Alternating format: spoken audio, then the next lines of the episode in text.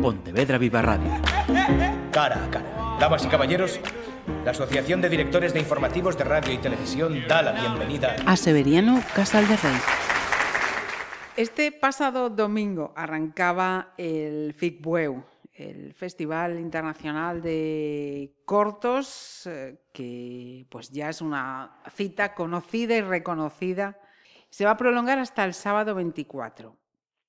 Pero antes va a ser este sábado, el más próximo, este 17, cuando dentro del programa de actividades se presente el tercero de los cuadernos del FICBUEU.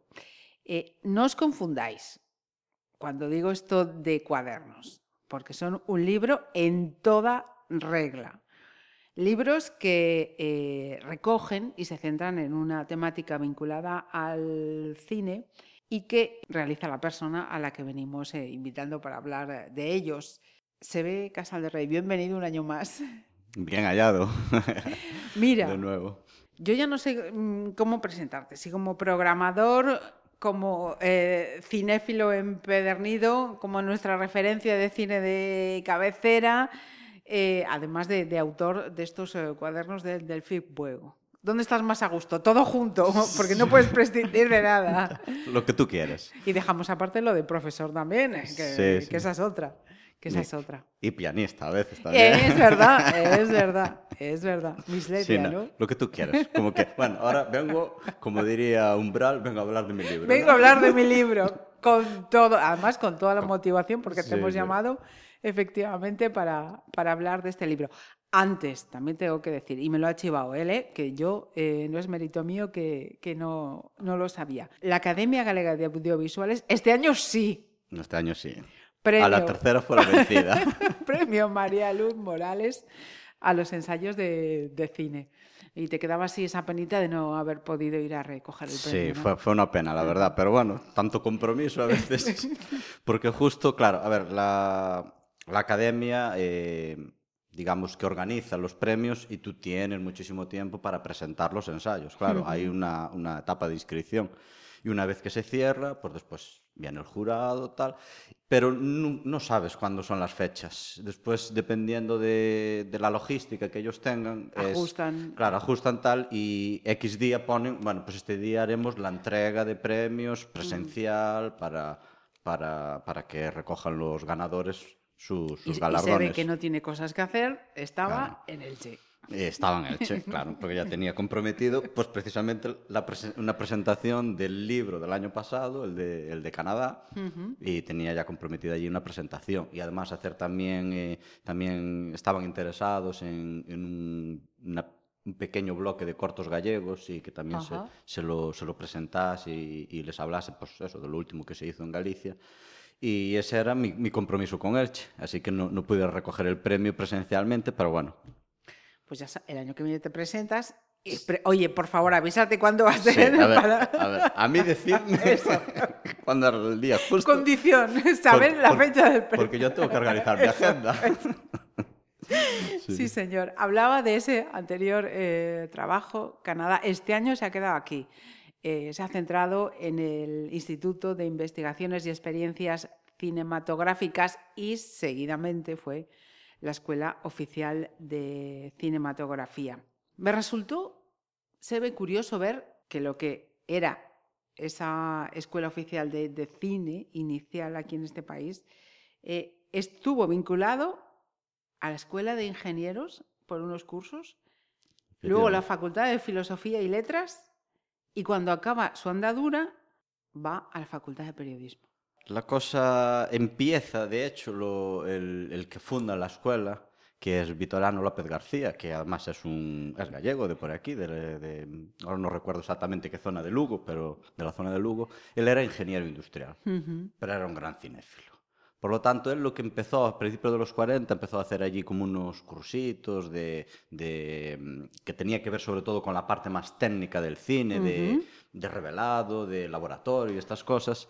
Y ahí empezó a hacer esos cursos y un poquito a poco se fue juntando con otra gente que también tenía estos mismos intereses hasta que por fin en el año 47 le dejaron fundar la escuela. Pero claro, ¿dónde, dónde colocarla? ¿Dónde la iban a colocar?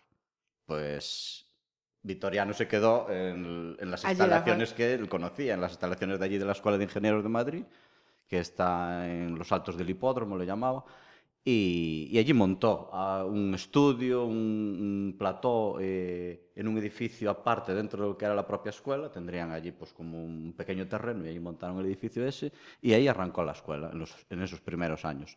Lo el tema de filosofía no es que estuviera nunca en filosofía tampoco, era que él contactó con profesores de filosofía y estos eran los que venían a dar las materias como más... Eh, digamos, teóricas Ah. o, o humanísticas de, de, pues eso, de historia del cine, también incluso historia de la literatura, la incorporaban dentro del programa de estudios, Ujú. pero donde eran las clases eh, 100% eran en, en ingenieros, hasta que los echaron de allí. Sí. ujú. Porque llegó un momento que se los echaron porque allí molestaban.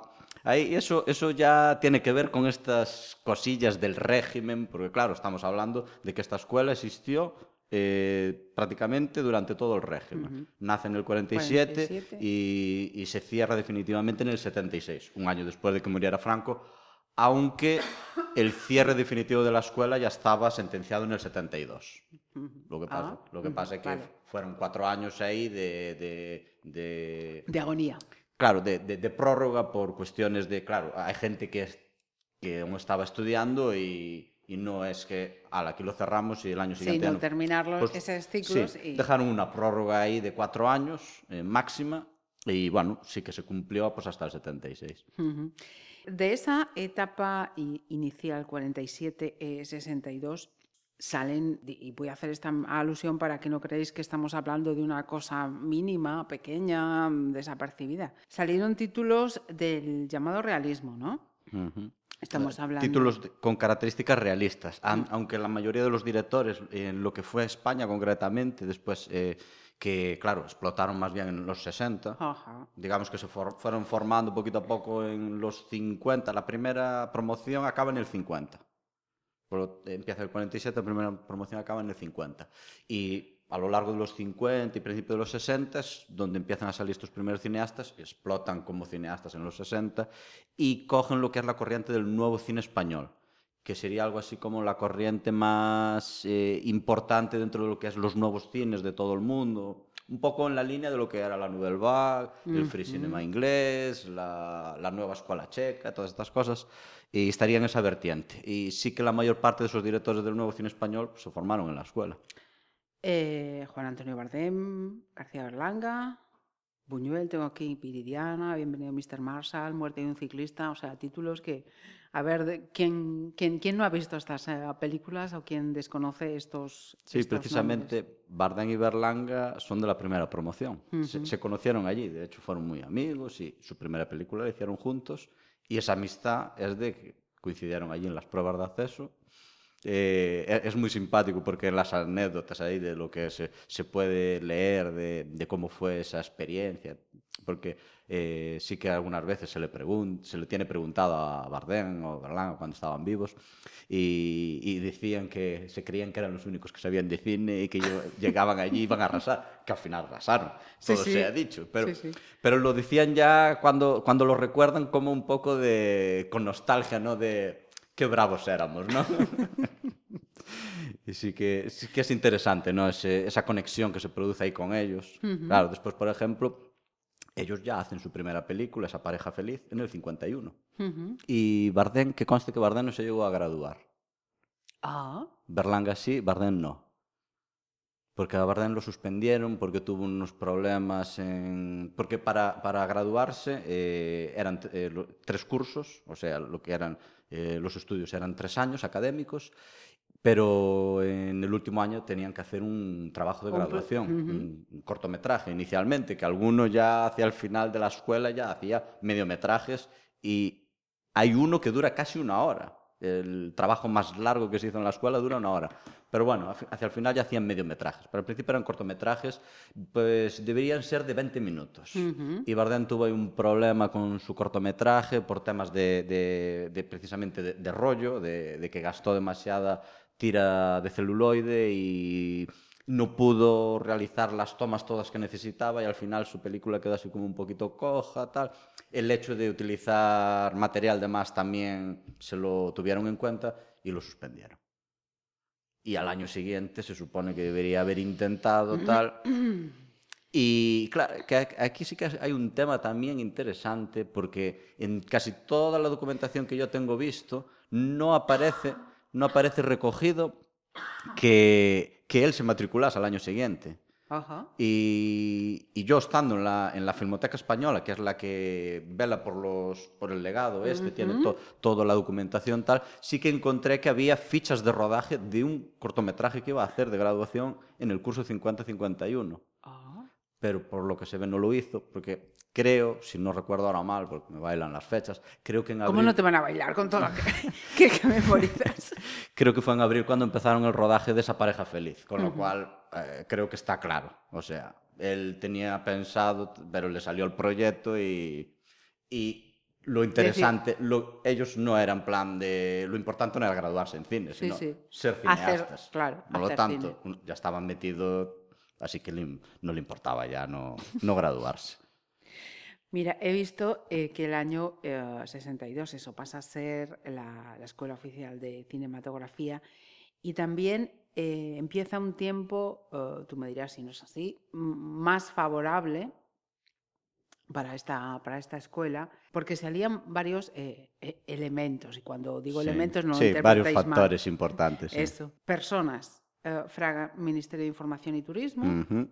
José María García Escudero, director general de Cinematografía, y director de la escuela José Luis Sáez de Heredia, sí. que eh, digamos que pretenden que de esta eh, escuela salga eh, un producto que se pueda exportar, ¿no? Darle un poco de, vidilla, ¿no? de auge a lo que es, eso es cine español y sobre todo introducirlo dentro de lo que es los, los circuitos internacionales. La internacionalidad. -huh. Claro, tú, tú piensas que eh, con Fraga se produce un poco el aperturismo total dentro de lo que es la, la dictadura el, el, anterior ministro, que era Gabriel Arias Salgado, pues no, no estaba... No tenía la misma perspectiva. Claro. El, el, Ministerio de Información y Turismo, concretamente, nace en el año 51 uh -huh. y nace con unas características muy claras. Eh, control ideológico a todos los niveles, eh, tanto para cine, teatro, eh, prensa, todo lo sí, que sí, fuera, todo... tal, para control ideológico y censura. Es para lo que, para lo que existía principalmente este ministerio.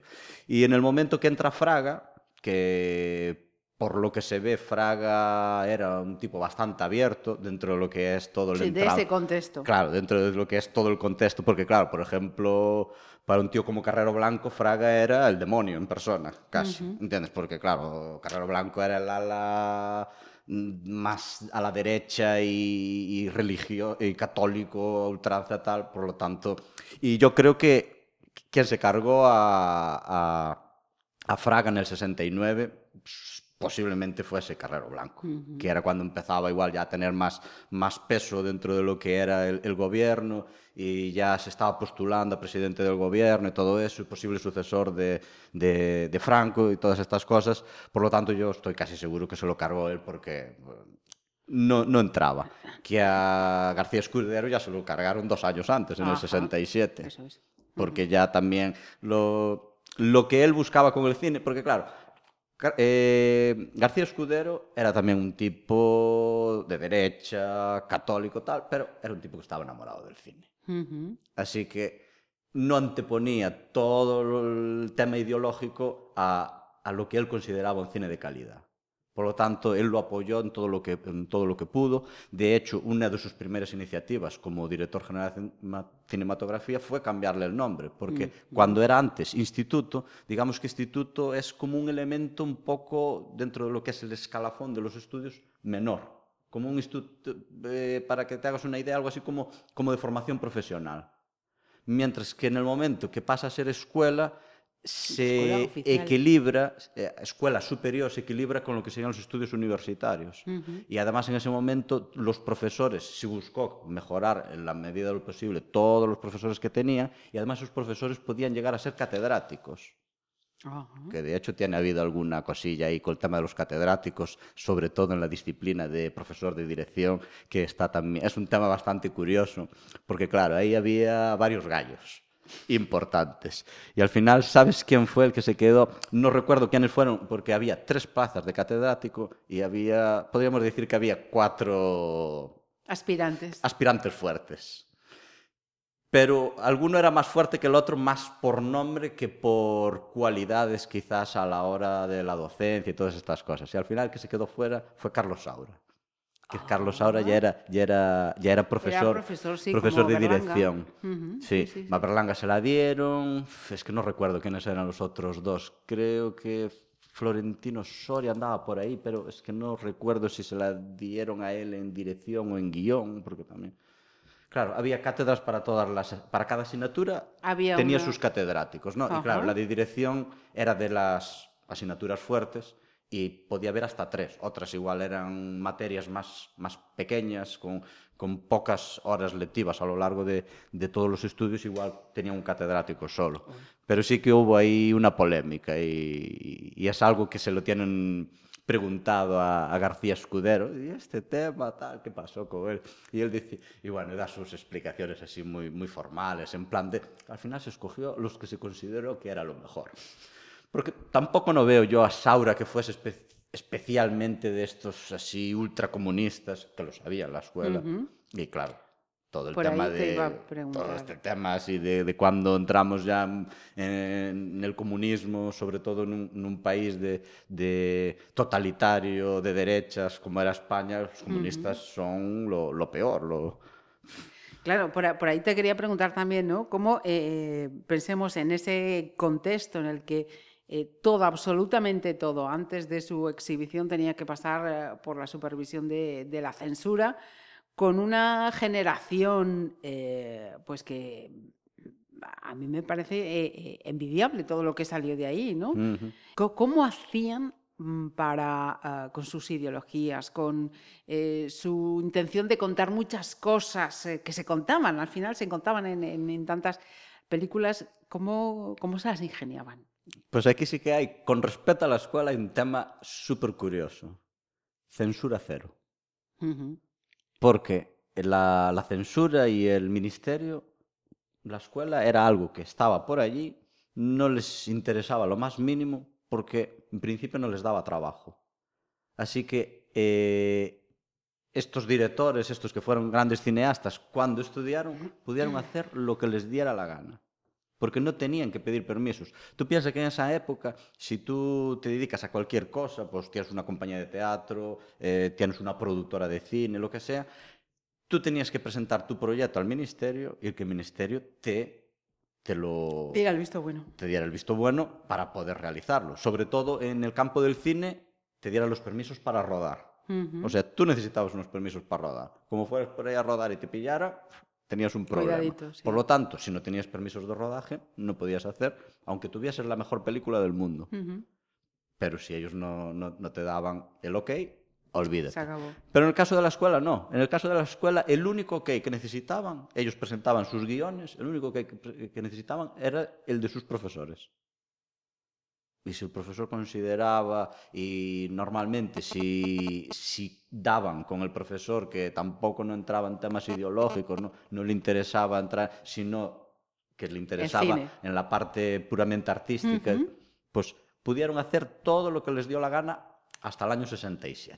En el año 67, eso, del 67 al 76, esos últimos años, ya cambió un poquito el, el contexto y ahí ya se empezaron a endurecer y hubo muchísimos problemas y todo eso. Pero fue, fue gradual también, no fue en plan de en el 67, hoy, de repente, no. Fue empezó a haber pequeñas cositas y después a partir de ahí cada vez, desde que entró el último director, que el último director, Juan Julio Baena, entró en el año 69, fue director del 69-76, en el momento que entra este señor de pasado comunista, todo sea dicho de paso, y ahora en este caso eh, títere del, de, de- de- de la dictadura, pasó de De un comunista a a, a títere, pues a partir de ese momento es cuando la censura ya existe en la escuela y, y es cuando también empieza los trabajos de la escuela empiezan a ser pues también más flojos, porque ya no, ya no había esa libertad, tal. Eh, ya entraba también en una etapa en el que más bien iba por, por inercia no, y se juntaba todo. Fíjate, sin embargo, hay películas tremendísimas. Mira, yo tenía aquí una chuleta de mm, cuáles habían sido las películas pues, más taquilleras entre el 65 y el, y el 70, ¿no? Eh, de Saura la caza del 65. Ah, pero esas pelis no se hacen en la escuela. Claro, claro, claro, Claro, te digo, e- pero, esa diferencia claro, de lo que ellos- ya sí. esa gente que habría pasado Ah, por ahí, por sale, ejemplo, ahí estamos hablando de la, esa época de gloria donde está García Claro, Escudero, introduces claro. sus, sus novedades dentro de lo que es la, la- la industria, digamos. Claro, y eso permite el auge de ese nuevo cine español que al fin y al cabo pues tuvo sus años de gloria del 63 al 67. Pero claro, Ajá. eso, eso ya es fuera de lo que es el contexto de la escuela también.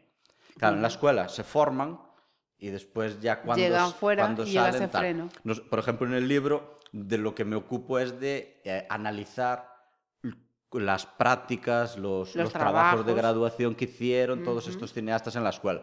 Que claro, tú, tú estuviste viendo las, los grandes trabajos de estos cineastas que son los que están más ah, abiertos al público, lo, lo que el público tiene más acceso. Estos trabajos como que están un poquito más ocultos. Por eso eh, también era una idea, de, es la idea del libro, de, de alguna forma pues también reivindicar pues los primeros pasos. Esa parte. Los primeros pasos de estos directores, que muchas veces ya se ve también pues como corrientes de pensamiento o ciertas características en, en su cine ya, ya están en estos trabajos iniciales y después ya en el momento que tienen acceso a la industria, pues claro, ahí ya, esa ya es la parte conocida. Digamos que aquí analizo la parte más desconocida. Pues hablando de esa parte desconocida, yo eh, quería hacer una referencia a las mujeres de la Escuela Oficial de Cinematografía. He visto eh, la primera matriculada, Catherine Walco. Catherine Waldo, sí. Waldo, con Waldo, D. sí, Vale. con D, sí. Lo, lo tenía mal entonces. La segunda... Que, que era, era extranjera, era, mm, non sei se americana exactamente, pero era extranjera. Que se matriculou en dirección, Ajá. pero o, cambiou de especialidade e al final creo que se, que se graduou en producción. Uh -huh. Eh, Cecilia Bartolomé, Mm, sí, esa de la- esa- eh, ella sí que se graduó en dirección. que hizo el primer mediometraje, tengo aquí señalado, prohibido por el franquismo, Margarita y el Lobo. Que Es- yo decía, Que ese, ese, ese, Toma. sí, ese sí lo hizo. Esa fue su práctica de graduación en la escuela.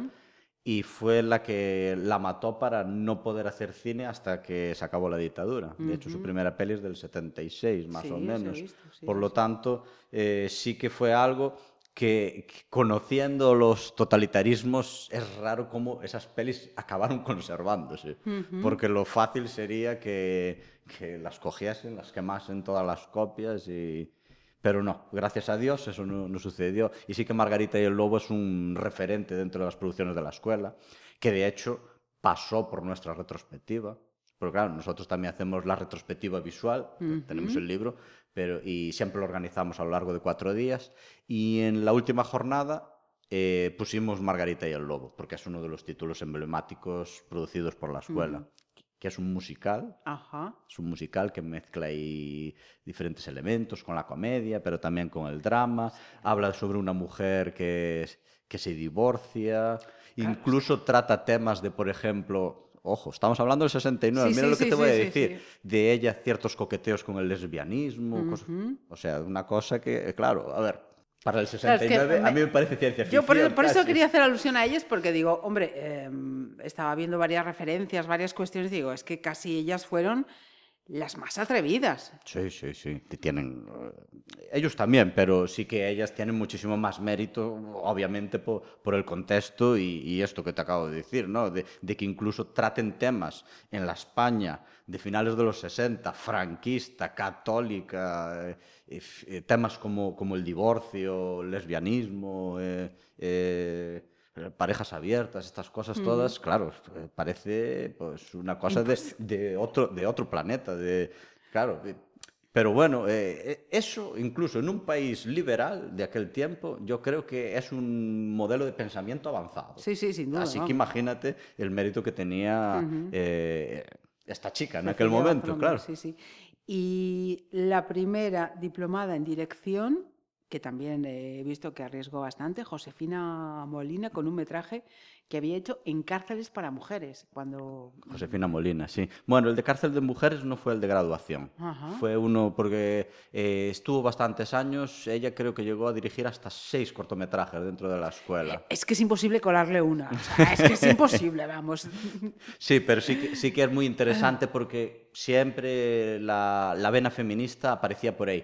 Pero eso también a veces le jugaban mala pas- malas pasadas porque cuando eh, ciertos elementos de temáticos no le gustaban a los profesores, sus- suspendían esas prácticas, esos cortometrajes. Y por eso siempre tenían que darle como una vuelta y bueno, vamos a dar una vuelta de tuerca a ver si, si con este pequeño giro pues se la colamos, ¿no? por decirlo de alguna forma. Pero sí, ella al final se graduó con Melodrama Infernal, que era, me parece que era una adaptación de un texto de Ray Bradbury. Es que es Si, increíble. si no estoy ahora confundido, porque a veces se me mezclan ya tal. A ver quién es el valiente o la valiente que le lleva la contraria. Toma. Sí, y ella se graduó en el 68. Y había eh, otro nombre más que no quería pasar eh, por alto, que también Yo creo que, estar... que- creo que sé quién va a ser. que los más jóvenes que nos estén escuchando conocerán al hijo. Sí, a, a Gonzalito, ¿no? Eso es. Eso es, Pilar Miró. Pilar Miró. Sí, ella se graduó en guion. Ella fue la primera graduada chica en guion. Cada una se iba metiendo tal. Eh, posiblemente la- las más meritorias fueran la- fueron las que, las que consiguieron lograr ya solamente empezar. O sea, pasar, pasar las pruebas de acceso, las de dirección. Pero las otras también tienen su mérito, obviamente. Ajá. Y Mira, entendemos entonces que con todo ese ingentísimo trabajo de campo que has hecho con ese libro, esta escuela oficial y lo que fue anteriormente el, el instituto, un, un tanto, no, un mucho, un eh, oasis cultural en la España de aquel momento. Totalmente, totalmente. Era, era, pues, claro, como te dije antes, no tenía censura, era, allí había una cierta libertad, había una eh, posibilidad de, de- de- juntarse, de, de crear hasta incluso, bueno, cuando, cuando ya se vinieron arriba, a, a finales de los 60, creaban grupos asamblearios, cosas así, que claro, tú piensas que en la, en la dictadura, si encontraban tres personas juntas en la calle, Ya era- ya los había que apartar. que- Disuélvanse. que- que igual a lo mejor estaban tramando algo, ¿entiendes? Pues, pues esto es- al final acaba siendo eso, como un sitio privilegiado. Eh, fuesen mejor las clases, fuesen peor, la posibilidad de, de- de juntar a esta gente que tenía unos mismos intereses, tenía esa necesidad de, crear, de hacer cine, de, contar sus historias, ya solamente por eso ya merece un capítulo aparte dentro de lo que es la historia del cine español. Pero es que además después eh, eh, el hecho de, de poder ver eh, esos primeros pasos como, como cineastas de estos directores y que muchas veces son trabajos desconocidos, pues eso también es una oportunidad poder eh, reivindicarlo, poder eh, darlo a conocer, pues también es una oportunidad única, creo yo.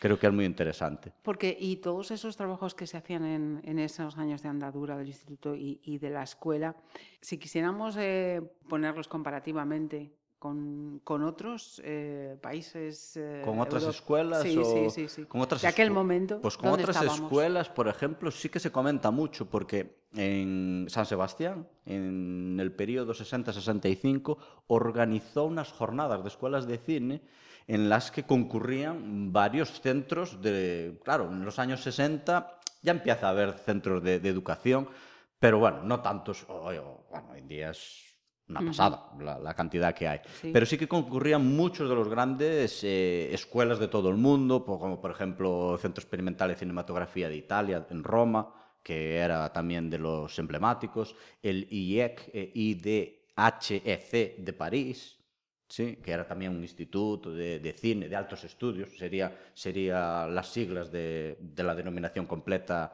de, de este centro. Por ejemplo, la Escuela de Lot de Polonia.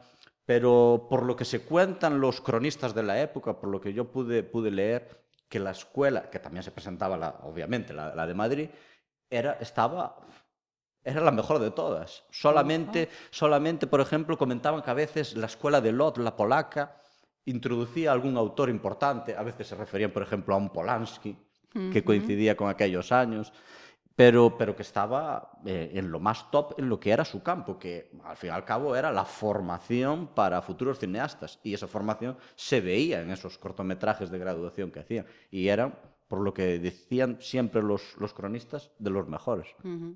Y sin embargo, eso, toda una conjunción de, de elementos eh, llevan a un desenlace, por lo que he visto, que es entre todos la mataron y ella sola se murió, ¿no? Sí, sí, ahí empezaron a aparecer varias, varias piedrecitas en el camino. Como te decía antes, entró Juan Julio Baena, que era director de fotografía, fue, fue el director de fotografía, por ejemplo, de, de la peli mm, eh, El cochecito, por ejemplo, de Marco Ferrer, una de las pelis míticas de, de aquella época.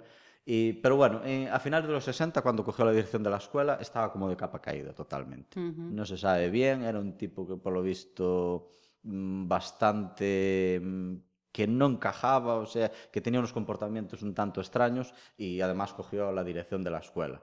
Y bueno, no siempre hubo mucha suerte con los directores de la escuela. De los siete directores de la escuela, podría decirte que hubo tres decentes, tres buenos, como José de Heredia, que comentamos antes, su fundador, Vitoriano López también, que era un tipo bastante entrañable, pero hubo los otros que eran puestos ahí para meter un, un poquito más de, de presión desde arriba y eso está. Y Juan Julio Baena demostró que no.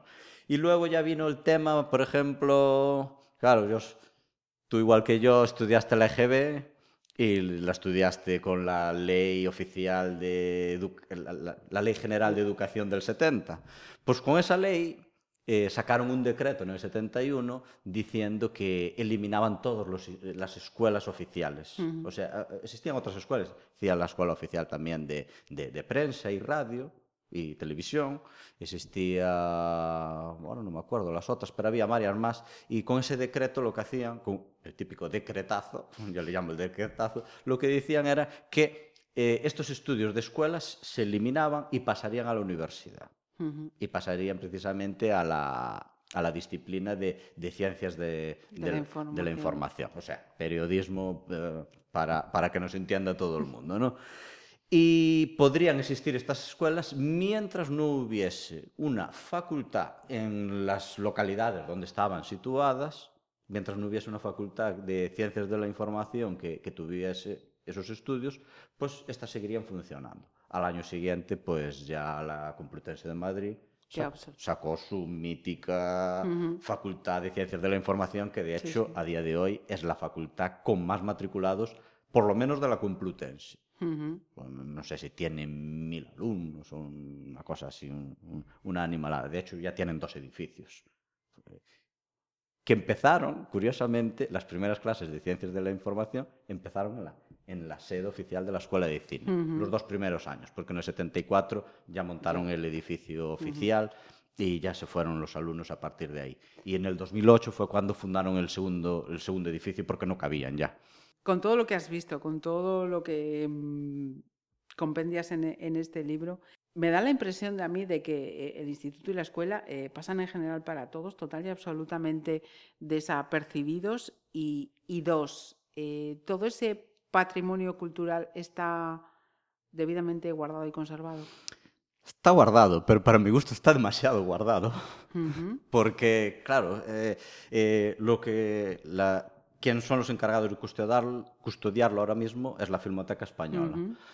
Pero digamos que necesita un trabajo de, de, catalogar todo, de organizar todo aún muy grande. O sea, hay muchas cosas que ya, ya están ahí. Más o menos tú en el momento que, que empiezas a bucear un poquito, pues puedes ver que ya ciertos títulos, ciertos elementos, pues se repiten. O sea, eso, digamos, podemos decir que está consolidado. O sea, uh -huh. ya, está, ya está conocido, la gente, pues simplemente tiene que entrar en el tema y, y llega fácil a él. Pero después ves que hay muchísimo otro material que no.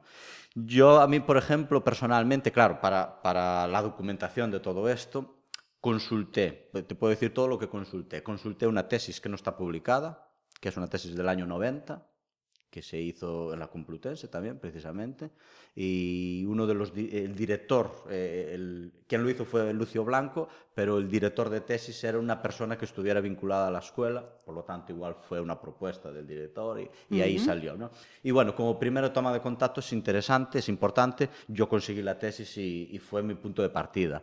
Luego la Filmoteca Española tiene un cuadernito, bueno, un cuadernito, tiene un cuaderno de 150 páginas, pero lo que es eh, a nivel histórico, hablando de la escuela, son las 30 primeras. O sea, hay una persona que hace como una contextualización, habla de lo que fue la escuela, esa progresión, en unas 30 páginas, y el resto del cuaderno son pues como entrevistas o más bien, eh, más que entrevistas, no, eh, comentarios uh -huh. de muchos de los participantes de la escuela. Ahí podemos encontrar comentarios de Bardem, podemos encontrar comentarios de Josefina Molina, o sea, de varias personalidades, y tú puedes leer, pero claro, es un poco irregular en el sentido de unos se acuerdan de unas cosas, otros te cuentan uh -huh. otras, cada uno cuenta su experiencia, como la, como la ve, o, o claro. como la quiere ver, o la vivió, o uh -huh. lo que sea. Y bueno, tienes interés, pues un poco para quedarte con esos detallitos de tal. Y después la tercera publicación que existe fue eh, una revista que saca la Complutense de Madrid también sobre temas de audiovisual que se llama Área Abierta y en un, en un número se lo dedicó a la Escuela Oficial de Cine. Pero tampoco no es un trabajo en plan eh, que eh, eh, comenta lo que es la escuela en general, sino que acaban siendo como varios artículos uh -huh. sobre temas muy Con concretos. Uh -huh. Por ejemplo, hay uno que es Cecil, eh, Margarita y el Lobo, la de Cecilia Bartolomé. Uh -huh. Y a, a, la persona encargada pues analiza tal. Y, pero al final acaban siendo esos artículos. Yo lo que busqué es hacer pues una visión histórica general. De hecho, es el primer cuaderno que hago en una línea cronológica, uh -huh. porque consideraba que es lo, lo, que mejor encajaría y lo que podría, podría ser más interesante para, para el lector y acercarse a la escuela y hago toda una visión eh, cronológica de lo que fue la escuela, cómo evolucionó y cómo en cada etapa pues, eh, va habiendo diferentes generaciones eh, intento darle un sentido a las generaciones de estudiantes también, pues, intento buscarle pues, algún tipo de, de elemento común que, que, los pueda agrupar como generación. Uh -huh. Y un poco la idea es esa, dividir la escuela en cuatro grandes etapas, una del 47 al 55, cogiendo a su fundador, luego del 55 al 62, que hubo una crisis y de repente entra en su época más gloriosa cuando es director José Luis Aed Heredia, Luego eh, marqué otra etapa del 62 al 69, que la marqué como la etapa de esplendor, la etapa donde había mejores recursos, porque al principio tampoco no tenían recursos. Sí, sí, sí. Tenían -huh. 100.000 pesetas de, de, presupuesto para toda la escuela y con eso no, no, se podía hacer nada.